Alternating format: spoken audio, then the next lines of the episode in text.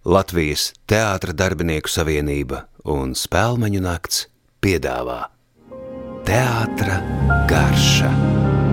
Sarunas par teātri un dzīvi.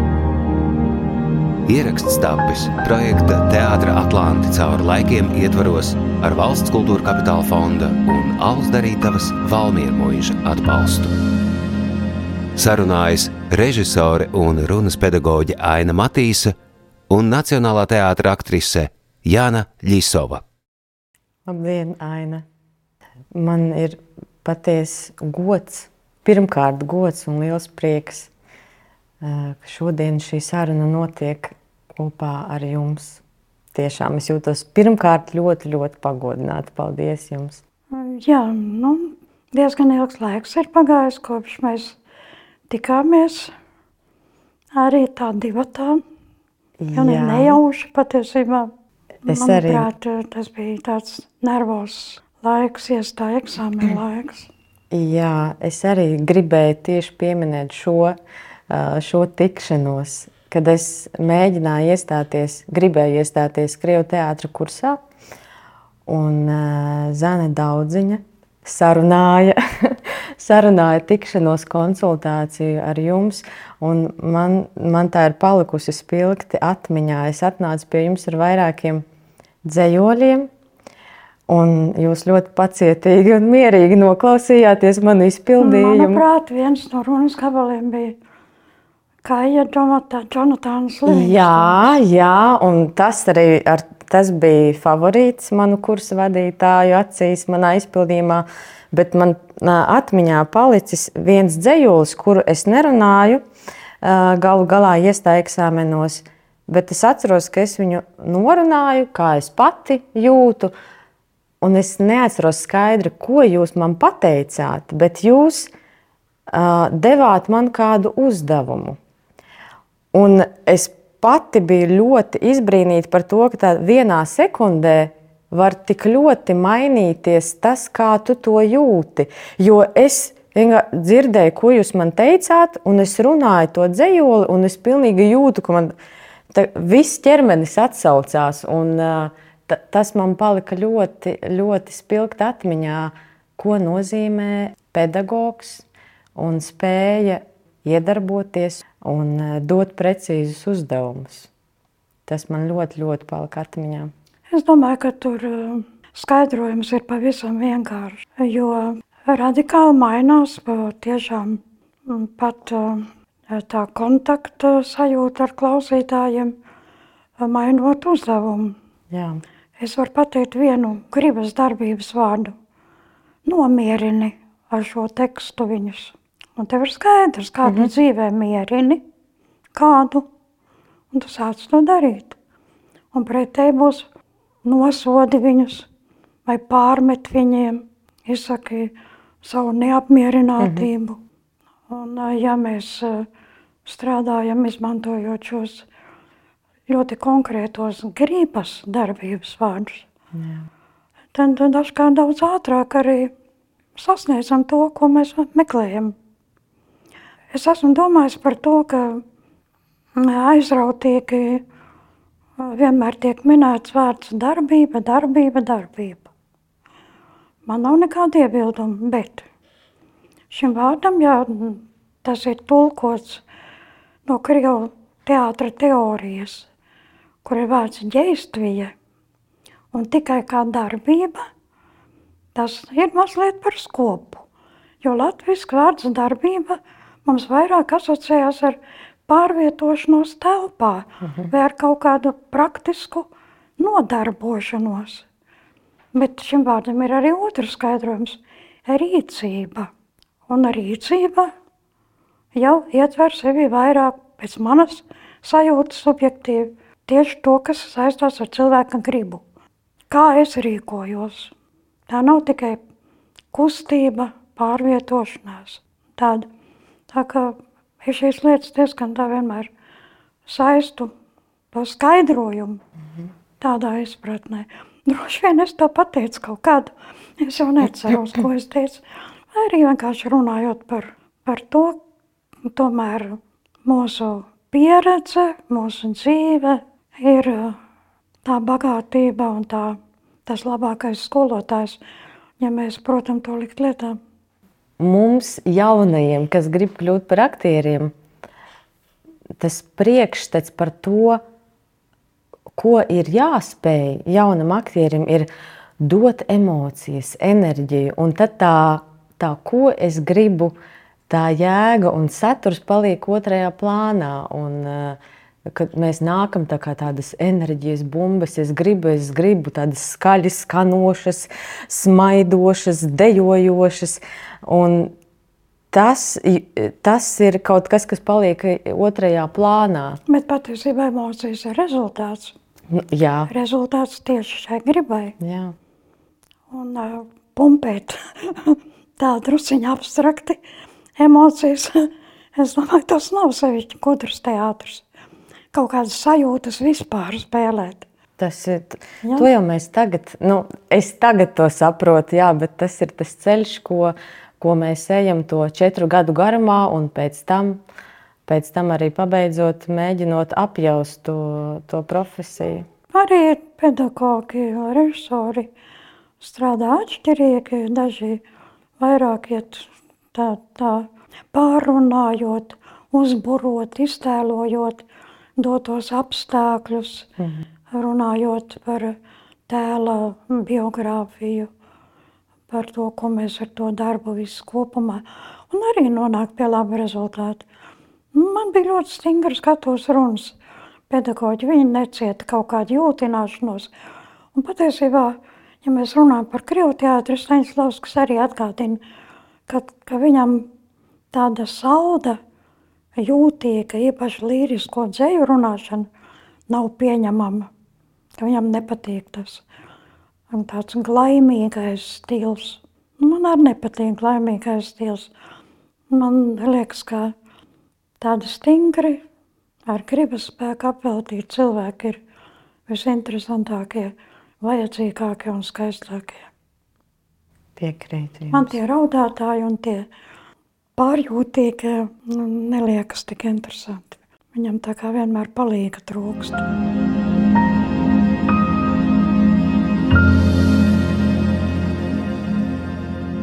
Ko es uzzināju, um, klausoties jūsu intervijas, uh, runājot tieši par stipriem cilvēkiem ar gribas spēku, jūs nākat no Latgales.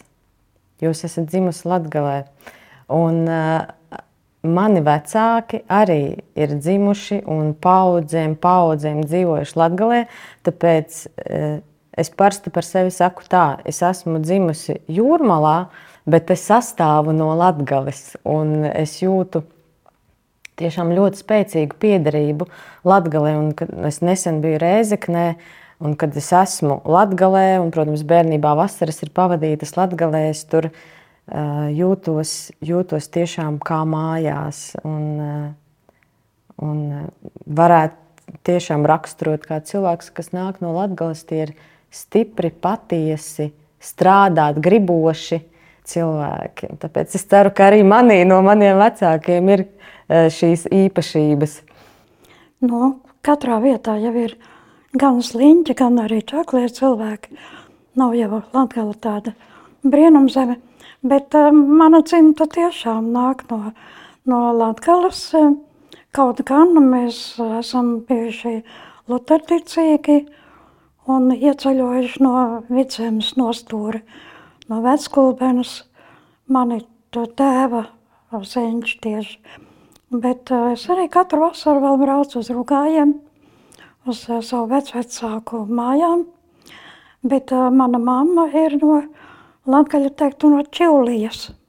Uh mhm. -huh. Mana mamma ir dzimusi Vīciemā, Trikātā, dzīvojusi Strenčos, man gājusi Cēsu ģimnāzijā, un līdz ar to mēs bijām tādi Latgaļas čivļi, un eh, es iemācījos eh, nu, diezgan labi runāt latgaļu valodā, no apmēram piektajā klasē, kad es tā nolēmu stundā Stundās es runāšu tā, kā es runāju mājās ar savu mammu, bet starpbriežos, kad būs eh, jau skrīsamies pagalmojas, pieļausim bumbu. Mm -hmm. Tu laik runāšai saviem klases biedriem, to, ko man teica, un klases biedrene, ko cilvēki runāja. Da. Kad es viņu pēc daudziem gadiem sastapu, viņa, viņa prasīja, vai tu vēl prūti runāt, ko cilvēks. prūtu, prūtu. prūtu, prūtu. Brēnīgi un dzējoti. es arī, es uh, korekti runāt, es neprotu, bet es visu, protams, saprotu. Jā, nu ir jau atšķirība un ir arī tāds specifiski teicieni. Un arī pat uh, tā latgaļu valoda, kas ir uh, anglonā vai rogovkā, Reizeknē arī man... atšķiras. Reizeknē daudz maigāka. Es reiz brīnījos, ka viņi saka saļmi, bet tur, kur pie Viļakas, kur es dzīvoju, tur arī teiktu solmi. Mm -hmm. Jā, kaitai, bet uh, tur pie Viļakas teikt, a ko to? Mm -hmm. A par kun to? Nu, arī daudz vai, vai, vai uh, Reizeknē daudz saka dā, dā, bet tur, kur es dzīvoju, tur saka nui, nui. Jā, man tēva, tēva mājas ir netālu no Aglonas kapiņi. Ir tāda vieta, un uh, mans tēvs bija vecticībnieks, uh, tajā, tajā apgabalā diezgan daudz tā valoda, latgaļu bija miksēta ar, ar krievu vārdiem. Tāpēc tiešām es piekrītu, ka galu galā jau viens otru saprot. Tas jau ir, tas jau ir pats galvenais. Nu, man patīk tas, ka latgaļi ir tādi dinamiskāki cilvēki, tādi kā temperamentīgāki arī runas eh, ritmika ir ātrāka. Un viņiem ir tāds savs eh, humors un eh, mazāk čiekst, vairāk tiek galā ar grūtībām. Dara. Bet, eh, piemēram, studenti, kas nāk no Latvijas, topošie aktieri, es esmu dzirdējusi tagad arī no saviem draugiem, aktieriem, eh, grūtības tieši ar pareizu, tīru latviešu valodu, jo tomēr nāk līdzi tā fon, fonētika, izloksne, kādā runā tavā reģionā. Tas, tas savukārt ir tas, ar ko ir ar ko ir jācīn, nu, jācīnās, jāstrādā. Jā, bet vispirms es gribēju teikt tā, ka es, es domāju, ka mums būtu jābūt arī mazliet iecietīgākiem pret cilvēkiem, kas runā mazliet atšķirīgi. Protams, teātris ir ļoti specifiska vide, un tur būtu vēlams runāt koptā latviešu valodā, nu, tādā kā, kā iedaras. Jā.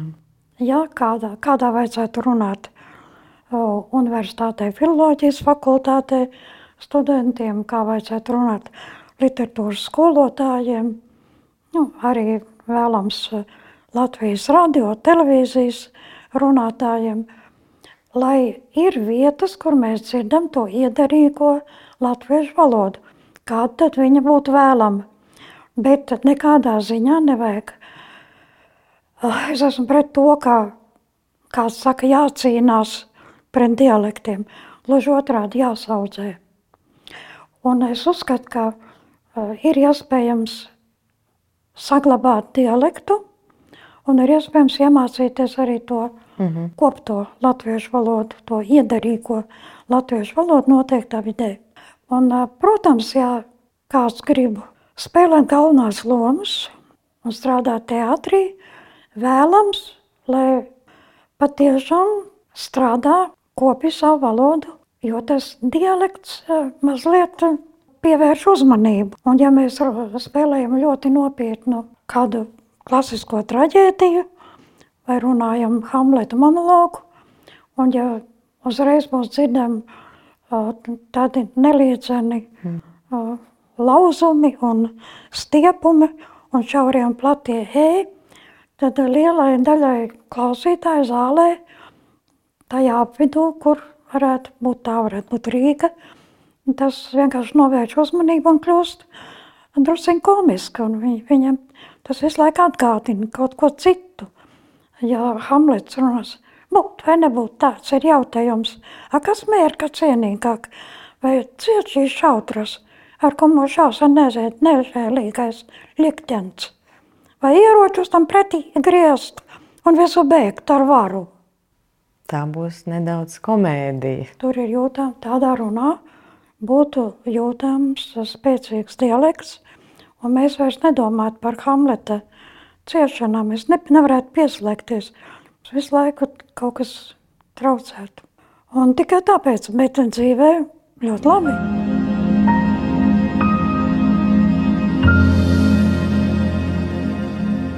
Mani kolēģi un es mēģinam pēc kaut kādām izrādēm vai mēģinājumiem, kad ir tāds stiprs pāruzbudinājums, emocionāls.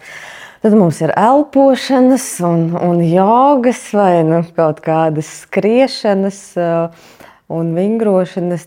Kaut kā jau skaidrs no tā pāruzbudinājuma, kaut kā ir jātiek vaļā. Jo tas tomēr nav vienkāršs darbs, kuru tā var mierīgi atlikt malā, izslēdzi podziņu un viss. No ziedoniem bija dzējolītes. Tur bija rindiņas. Tu paņem grāmatu no nakts klautiņa, lai uznāk miegs un palasi mazliet. Arī. Es dažkārt esmu arī lasījusi. Jā, domāju, nu, es nu pat jūtu, ka uh, nenāk tas miegs, palasīšu kaut ko nu, palasu. Tad, nu, kā nu kuru reizi. Bet um, joga, jā, tas ir diezgan populāri. Šobrīd, jā. visvienkāršākais jau ir kā septiņas reizes dziļi, mierīgi ieelpot, izelpot. Citu atkal iesaka turēt rokas virs saules pinuma, tāds siltums, tā kā nomierināt. Kā un kurš vai it kā caur ādu ieelpot, sākot no kāju pirkstiem cauri aizvien pa visu ķermeni. It kā neelpot caur degunu, mm -hmm. bet ieelpot caur ādu. Tad iznāk tā, tāda vēlēšanās žāvāties. Laikam skābekļa trūkums vai kas. Tas jau tā interesanti. Bet eh, es eh, tā pārāk neaizraujos ar jogu. Es nedomāju, ka tas īsti ir vienīgais un labākais ceļš latviešiem tieši. Bet jūs teicāt, ka jūs arī šobrīd palasāt kādu grāmatu, bet vai, vai jūs vēl zīmējat arī? Jo es zinu, ka jūsu dzīves ceļš varēja saistīties arī ar, ar glaznošanu. Man jaunībā patika zīmēt kaut ko, bet um, tagad es ne, neesmu neko uh, darījusi šajā jomā. Tik cik kādreiz dzīvē kaut ko vajag vienkārši uzzīmēt, mm -hmm. lai, lai redz kāds Nu, ja es aizēju pie, pie, esmu bijis pie kāda šuvējas, tad es uzzīmēju to siluetu, kādam tam būtu jābūt. Bet, tā ir jauka lieta. Es domāju, teātra fakultātē režijas kursam Māra Čimela organizēja režijas kursu studentiem Aija Zariņas zīmēšanas nodarbības, nu, gleznošana, zīmēšana, jo kompozīcija, krāsa izjūta, tās labas lietas, Katram vajadzētu elementārā pakāpē tās lietas papētīt, lietot, saprast. Režisoriem ir tīpaši. Tāds interesants fakts, ka jūs eh, nestājāties Rozentāļos, jo tur nebija kopmītnes. Ja būtu bijušas kopmītnes, un ja jūs uh, iestātos uh, mākslas skolā, Un jūsu ceļš, vai jūs esat domājis par to, ja viņš būtu aizvirzījies citā mākslas nozarē? Vai tā tas varētu būt bijis, vai, vai tā bija tāda likteņa nejaušība? Tomēr... Man, man ir nu, drusciņ tā, nu, tā, tā kā žēl, ka man nav bijis iespēja to darīt. Jo patiesībā vēlāk, kad es iestājos kultūras koledžā, nu, toreiz saucās kultūras izglītības darbinieku tehnikums. Uh -huh. Viens no jautājumiem, kāpēc es tur nokļuvu, bija reklāmā rakstīts, ka šajā skolā māca klubu darbu, skatos runu un plakātu darbu. Un es sapratu, ka plakātu zīmē Tātad tur kaut ko arī tādu māca. Un tas bija diezgan izšķiroši man tajā brīdī. Un vēlāk izrādījās tiešām mums bija grafiķis Valdmanis, kas mācīja arī savāc tādu jauniešu grupiņu un ārpus mācību plāna. Mēs tikāmies vienā mazā telpā, kur varējām zīmēt. Un viņš agri no rītiem sarunājamies sešos, jau bijām kaut kur uh, Daugavas krastā Rāmavā, tur kaut kur sēdējām mitrā zālītē, ja, un uh, gleznojām.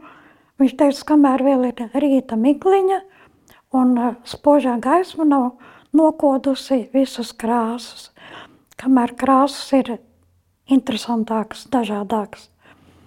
Un uh, nu, šur tur pabraukājām. Atceros, reizes sēdējām arī Bastēkalnā augšā un zīmējām kokus. Un ļoti jauks nodarbības tās bija. Nu, droši vien, ka, bet es nezinu, vai, vai es būtu tāda, tā ir ļoti nopietna pasaule šādā un tīri tādām elementārām vajadzībām.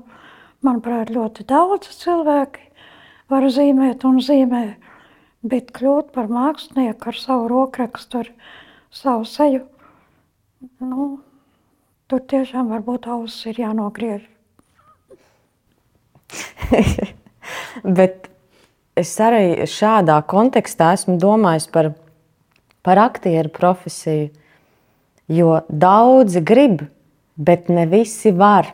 Man šķiet, pat tie, kuri kļūst un iegūst aktieru diplomu, es esmu domājis par to, vai tā ir nejaušība, piemēram, viens ir izdomājis, nācu līdzi draugam, iestājos.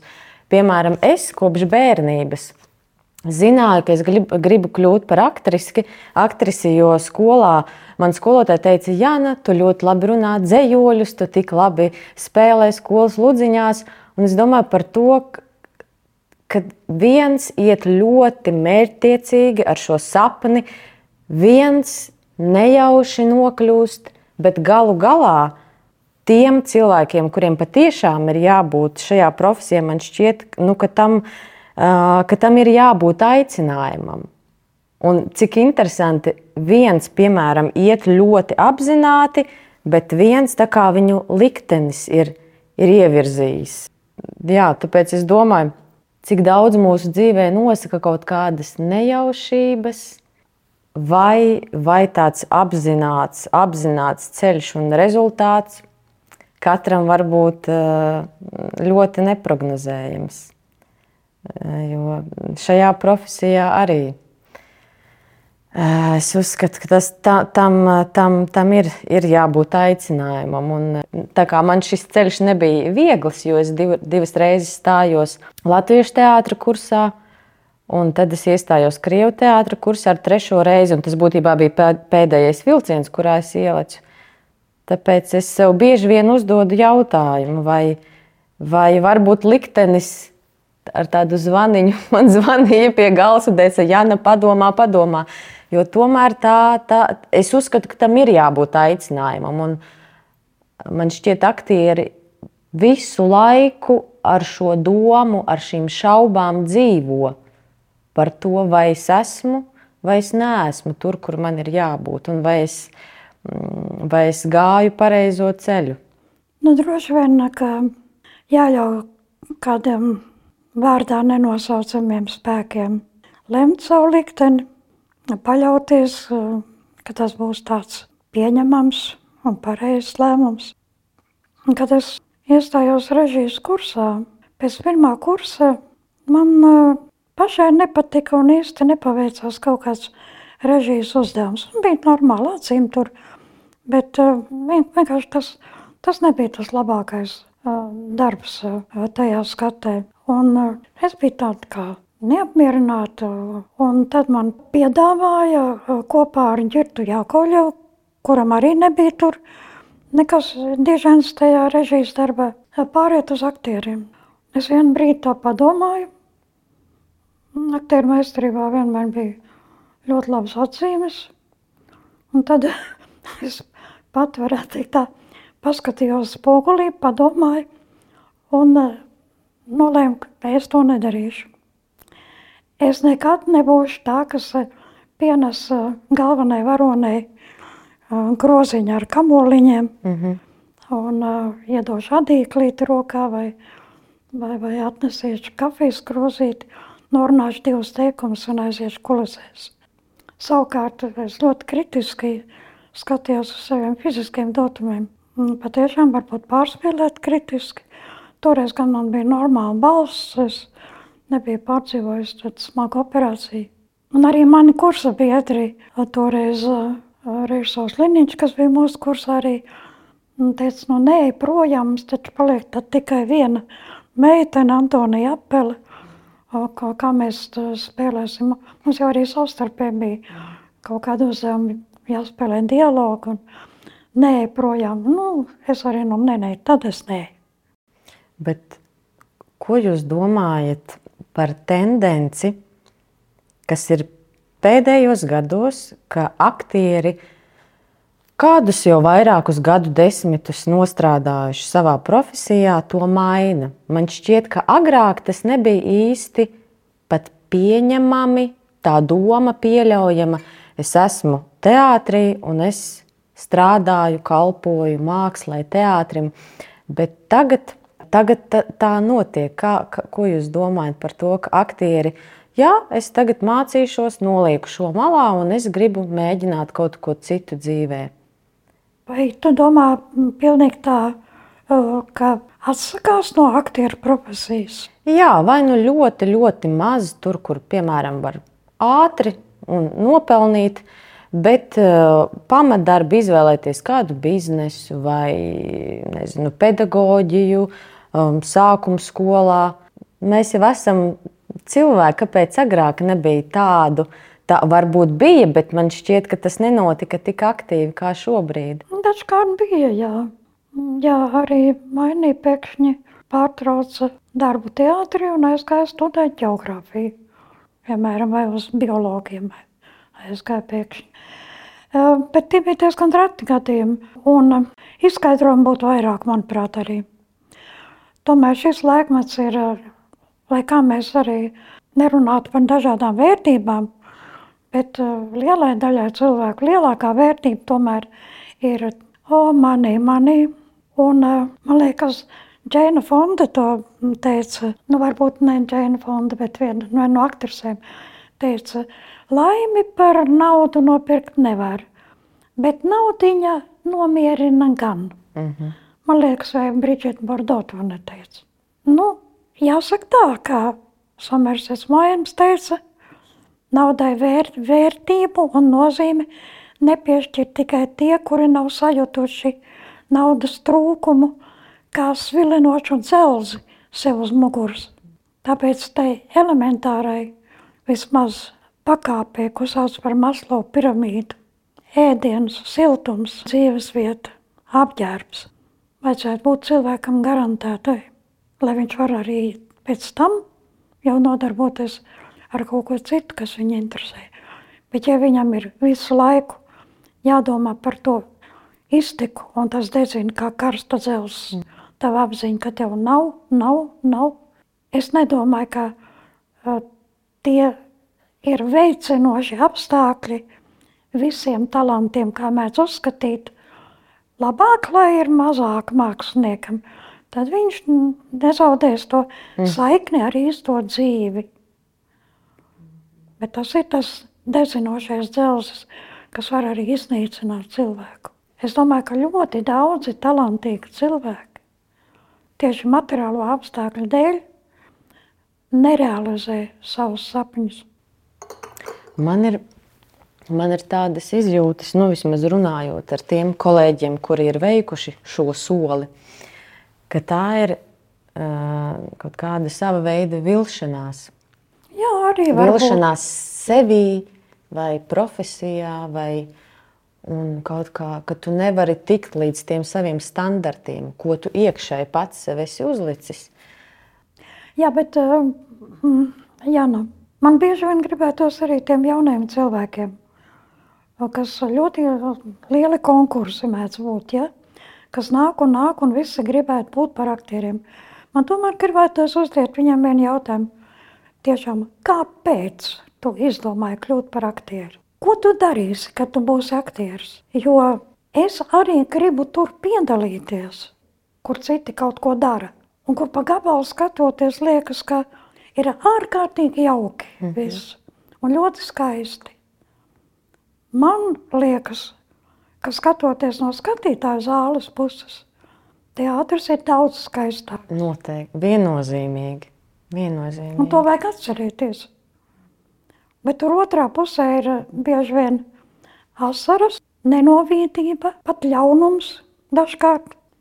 Čehovs, uh, Antons Pavlovičs Čehovs runāja par to, ka intrigas, daudz kas nejēdzīgs, bet teātris tomēr ievelk. Viņš varēja runāt par teātru, viņš rakstīja teātrim, viņa sieva bija aktrise, ja, un viņš zināja, kas ir teātris. Un tas priekšstats par attīstīšu savu talantu, kurš man noteikti ir, man to vēl palīdzēs pilnveidot, un es būšu slavens. Slavens, un ja es būšu slavens, man būs arī nauda, un uh, man būs tā labā dzīve, ko es redzu, kad es uh, skatos reklāmas, kad es skatos tos slavenos aktierus. Bet vai man ir tajā brīdī prātā tie miljoni aktieru, kurus neviens nezina un nekad nezinās, un kur ir liela daļa pat pavadījuši savu dzīvi teātrī, arī paliktami tādā ēnā. Jo bieži vien jaunam censonim nākot uz teātra fakultāti un pajautājot par kādu 50, 60 aktrisi, vai viņš zina tādu teātru, tādu un tādu aktrisi, un viņa tur strādā gadus 30, mm. 40. Viņš saka, nē, viņš nezina tādu mm -hmm. aktrisi. Bet tādu aktieru ir ļoti daudz. Mēs jau zinām tikai tos pirmos. Jā. Un man bija interesanti, ka tu teici, skolā man teica, ka es labi runāju dzēju. Iespējams, ka tu tiešām labi runāji dzēju. Iespējams. Mm. Varbūt arī nemaz netik labi, Pilnīgi. bet varbūt labi. Un ja labi, tad tas nozīmē, ka tev ir laba iztēle, ka tu redzi un saproti. Saproti ar prātu un redzi tā kā filmu mm -hmm. to, par ko tu runā. Un ja tas ir tā, tad tu runā ļoti labi. Tad tu zini, ko tu runā. Tad tu nemaz slikti nevar parunāt. Bet ja tu iemācies iezubri tekstu Un un intonācijas. runā tagad tā priecīgāk, tagad tā bēdīgāk, un tagad atkārto tā kā es. Kāda skolotāja teiks, paklausies, kā es teikšu, un pamēģina atkārtot. Jā, jā, jā. Viņa aiztaisa tavas domāšanas vārtiņas ciet. Patiesībā tu kļūsti par papagailu. Runā kaut ko līdzīgu tam, kā tu vienkārši dzirdi. Tā kā gribētos ticēt, ka tu esi runājis labi, un tās pamatīpašības, un tās nav visas. Ja? Bet tādas kā iztēle, fantāzija, Jā. asociācijas. Kaut arī vēl tikai bērns, bet jau veidojas asociācijas.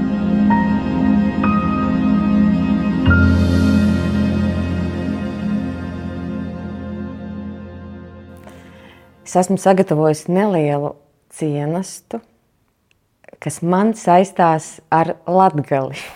Tas varētu būt kurķi ar medu. Negluži. Es atceros, ka tu man uzdāvināji mēlēnus. Nopietni. Jā, Toreiz. bija vasara, un tu man uzdāvināji mēlēnus. Tā bija vasara. Jā, jā, jā to, tās manas, mana mamma lasīja. Viņa bija aktīva. No droši No ķemeru purva. Nu, re, Jā, jā, jā, jā, jā. Tad runājot par iztēli, mēs abas varam iztēloties, ka mēs sēžam mūsu latgales mežiņā uz kāda celmiņa un uzēdam garšīgu beciņu no, no latgales mežiem. Jā, manuprāt, tas ir tas, kas man saistās ar bērnību, asociējas. Un, lai gan es nebiju aktīvs sēņotājs, bet, bet man ļoti patika, kāds salasīja baravikas vai, vai, vai gailenes. Un, jā.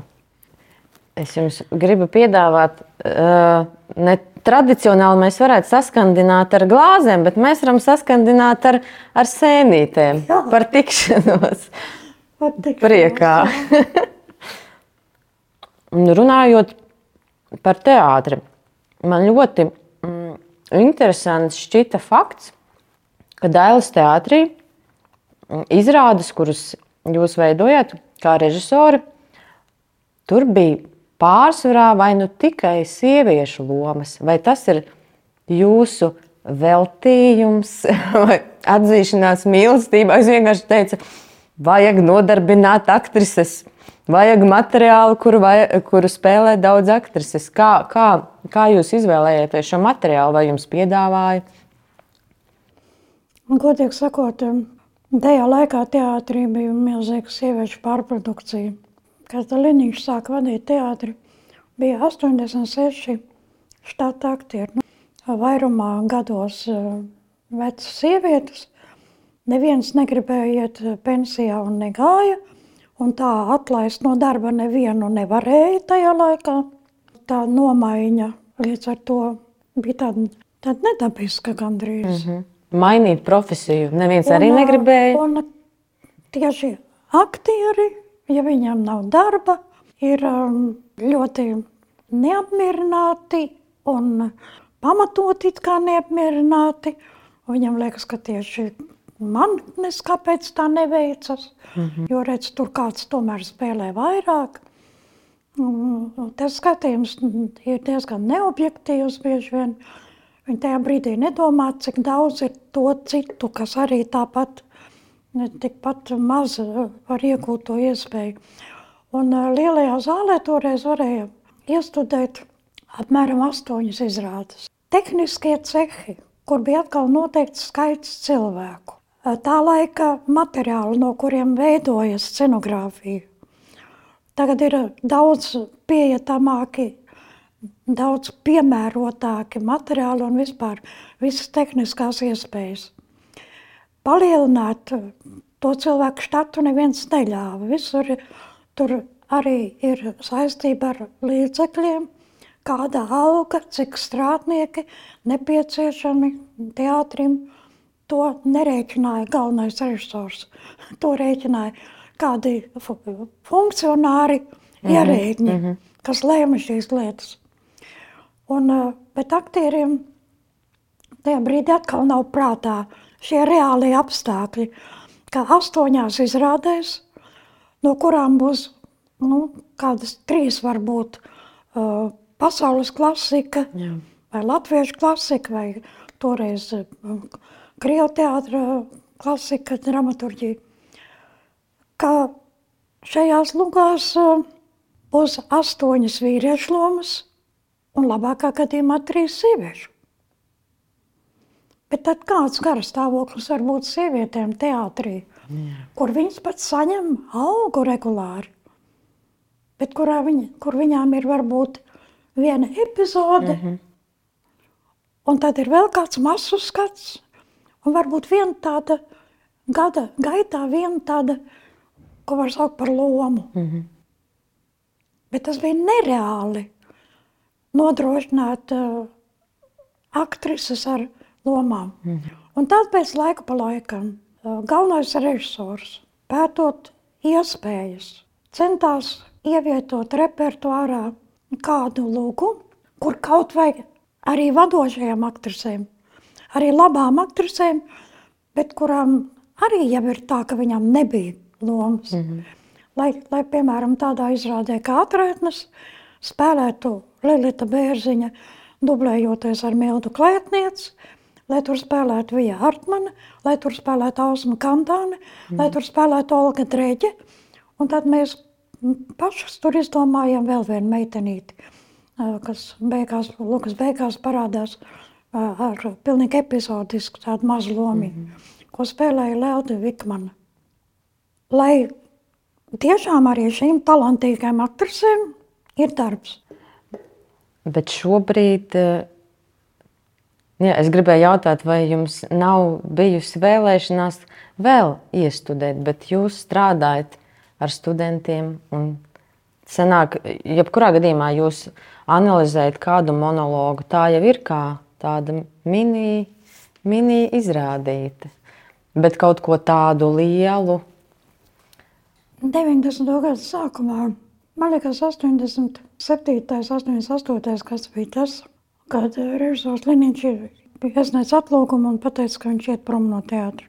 Nevis iet prom no teātra, bet noliek galvenā režisora funkcijas. Viņš palika kā ierindas režisors vēl pāris gadus, un tad viņš man lūdza reiz aiziet viņam līdzi. Viņš nejūtās labi, ka viņš ir nolēmis teikt režisoram Mauškāpam, ka viņš vispār aiziet no teātra pilnībā. Es arī aizgāju līdzi un labi arī bija. Es biju tā, kas tur runāja patiesībā.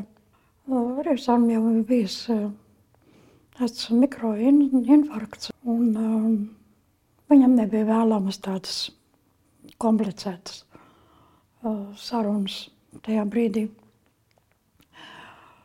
Un viņš aizgāja projām. Un tad sākās cits laiks tās teātrī. Vienu brīdi tur rosījās jaunieši un likās, un likās, ka tur tiešām būs kaut kāds tāds interesants pagrieziens. Bet kāpēc viņi pārtrauc to vai apkura, kas tur notika, es to neanalizēju, arī nezinu. Bet tas tā neturpinājās. Un vienīgais, kas palika, bija Challengers – Un um, Džilingers uzņēma to viņam raksturīgo kursu ar tādu ļoti izteiktu. Nu, varam iedomāties visu to padomu laiku, kad jauns vīrietis vairāk mīlēja savu automašīnu nekā savu sievu. Bija tas progresīvais pagrieziens pievērst ļoti lielu vērību cilvēku savstarpējām seksuālām attiecībām, seksuāliem jautājumiem, arī visā nu, tādā sarežģītībā. Bet uh, Man tas nepārāk interesēja, jo Dēls teātrim bija ļoti dažādi rakstura izrādes. Ja, ja vienā vakarā bija Šerloks Holms, kur varēja skatīties jaukas meiteņu baletnumurus, varētu teikt gandrīz.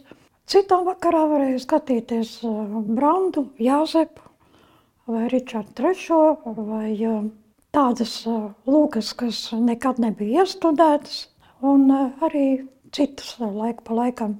Un teātrā galvenā režisora apzinās, kurs bija problemātika, kas arī mani interesē ļoti. Līderis un sabiedrība. Līderis un tauta, līderis un pūlis, vadītājs, viņa veiksmes, neveiksmes un kļūdas. Liktenīgas kļūdas, Kāpēc ļoti bieži sports dzīves sākums, vidusposms un katastrofāls beigas? Kas notiek ar Ričārdu, kas notiek ar Jāzepu, kas notiek ar Mindaugu, kas notiek ar Anglijas Elizabeti. Bija nodoms arī studēt Makbetu, ko nedrīkst teikt, jāsaka to lūgu, un visi saprot mm. to lūgu jo tālāk ir zem lāsta. Mm -hmm. Un man arī šodien tas interesē. Man ir viens jautājums. Jūs tikko minējāt, ka tās ir tēmas, kas arī šobrīd, par ko jūs gribētu runāt, lielas tēmas. Es gribēju jautāt, ko jūs šobrīd gribētu dzirdēt no teātra skatuves? Kādu vēstījumu, kas būtu vērtīgs? Jo izrādes ir dažādas. Deju, mēs dejojam, dziedam, raudam, smejamies, bet tā, tā tēma, tā tēma, kurai būtu, kurai būtu jāizskan sabiedrībā, kā jums šķiet? Tā tēma, manuprāt, ir tā, kas notiek dzīvē. Vai mēs stāvam uz sliekšņa trešajam pasaules karam, vai viņš jau ir sācies, vai mums ir jāiet bojā, vai humanisms kad un vai uzvarēs un kā mēs to panāksim. Un nenodarboties tik daudz ar niekiem. Un man ir ļoti žēl, ka šajā laikmetā nav lielu rakstnieku, kas spēj par mūsu laiku uzrakstīt. Tā kā citos gadsimtos bieži vien lieli talanti, dramaturgi, kā Šekspīrs uzrakstīja par sava laika Jā. cilvēkiem. Mums būtu jāspēj pašiem uzrakstīt par sava laika cilvēkiem. Mēs vairāk izmantojam klasikas darbus, lai runātu par šodienu. Protams, to var un drīkst darīt. Bet uh, šodienas Šekspīra mums nav. Man tā ir žēl. Gribētos, lai būtu, kas uzraksta par tādiem, kas grib iznīcināt pasauli šajā laikā. Stipri vārdi. Paldies! Sarunājās režisore un runas pedagoģe Aina Matīsa un Nacionālā teātra aktrise Jāna Ļisova.